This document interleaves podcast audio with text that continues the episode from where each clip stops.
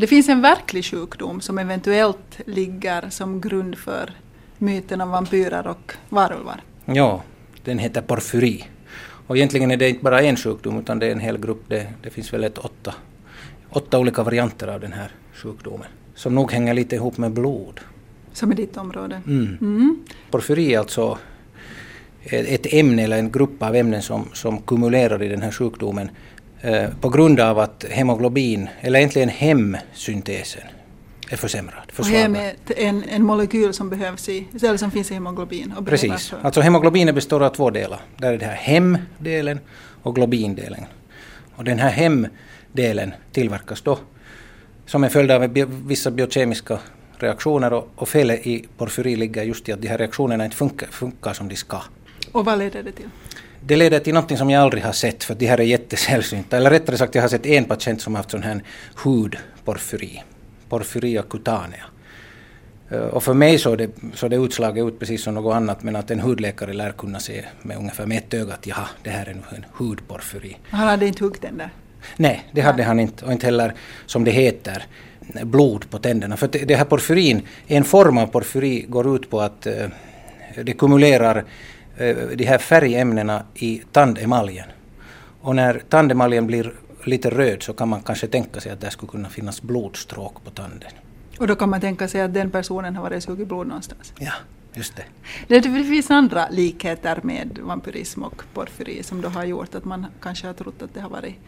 Ja, det en hänger ihop med de här huggtänderna så tillvida att på grund av att porfyrin angriper då hud, huden, eller ena varianten angriper huden, så heter det att, att man kan få sådana här R-liknande bildningar, eller det bildas fibros, sån här bindvävstillskott här kring läppen. Och när man tittar på lite längre avstånd så kan det likna huggtänder, de här, när det övre läppen är lite sådär fibrotisk, ja. lite sådär. Och, och därifrån har kanske den myten kommit. Ja. Och sen är de mera ljuskänsliga? Jo, det stämmer för att eh, för den här syntesen eller åtminstone vet man så mycket om den här porfyrin att, att de här anfallen av porfyri kommer lättare när man blir utsatt för ljus. Så det är en sån här fotokänslighet, man är känslig för ljus och, och den kan då utlösa ett sånt här anfall och göra det här utslaget värre. Och därför lär de här porfyripatienterna varav vi alltså har sett en undvika ljus. Och då kanske de är väldigt bleka och går omkring då när solen har gått ner så då först kommer de fram? Och... Det är då de kommer fram ur sina skrymslen. Eh, och de är bleka kanske på grund av två orsaker. Det ena att de undviker solljus och det andra att de är ofta lite anemiska för att den här hemoglobinsyntesen som sagt är störd. Nå, det här med att de är anemiska uh, så finns det väl teorier om att de då skulle ha törsta efter blod för att få det ersatt på något sätt? Jo, det här kan man ju piffa upp ännu med att den enda verksamma medicinen mot porfyri är faktiskt en, ett ämne som, som ingår i den här blod, alltså hemoglobinsyntesen. Och, och den har faktiskt utvecklats i Finland. -huh.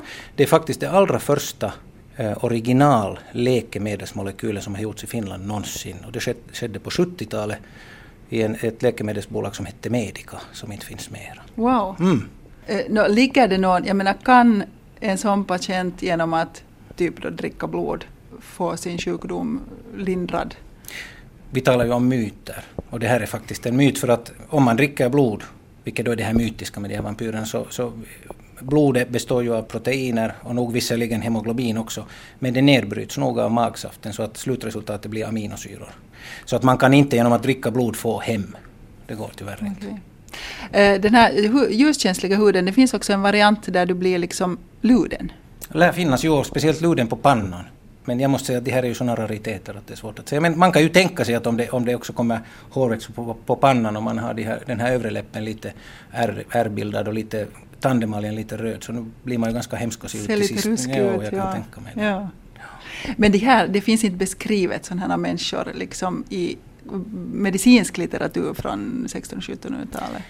Nej, det här, Nej. Är väl, det här är väl nog det där mytiska bakom det här. För det, det har ju framkommit att den här historien som vi nu talar om, att förena vampyrer med porfyri, det är någonting som, som en kanske lite fantasifull uh, forskare hittade på 1985.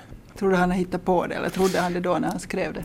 No, på den tiden var det, var det faktiskt ganska vanligt att man sökte liksom, i historien, och man sökte liksom, myter och legender och försökte förena dem med olika sjukdomar. Att I och för sig är det väl en sorts medicinhistorisk eh, fas, och kanske det görs ännu, men att kanske just då på slutet av förra seklet så var det särskilt populärt och det kanske hängde ihop med den mm. saken. De har ibland också psykiska besvär Jo. och neurologiska besvär. Och det gör den här sjukdomen också lite kryptisk för att de här besvären kan vara alltifrån nervförlamningar till svåra psykoser och vansinnesanfall. Och ibland har man hittat porfyri bakom det här. Det finns något som heter katatoni, är det så, som Ja. de kan drabbas av, som är ett slags liksom stelhet. Stelhet, ja, styvhetsanfall och svårt att få kontakt med den här människan.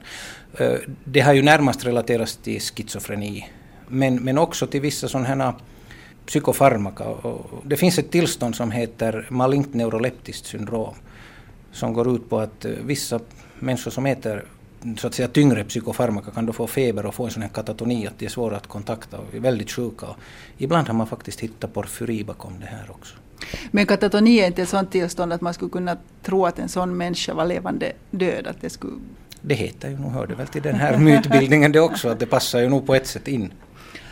Det finns ju historier om hur man har öppnat gravar och kistor och sett skrapmärken, alltså stackars människor som på riktigt har blivit levande döda.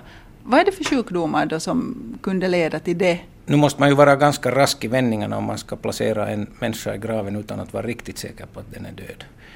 Men risken och myten finns ju nog och, och om man nu vill riktigt kanske tänja på fantasin så kan man tänka sig ett epileptiskt anfall av något slag som blir utdraget. Men, men så långt har det nog gått också i vår tid att ännu på 1960-talet så hade man, eller så har jag hört berättas, hade man i obduktionssalarnas förvaringsutrymme en alarmknapp på insidan av de här utrymmena där de här avlidna förvarades. Ifall någon skulle kanske inte ändå vara död.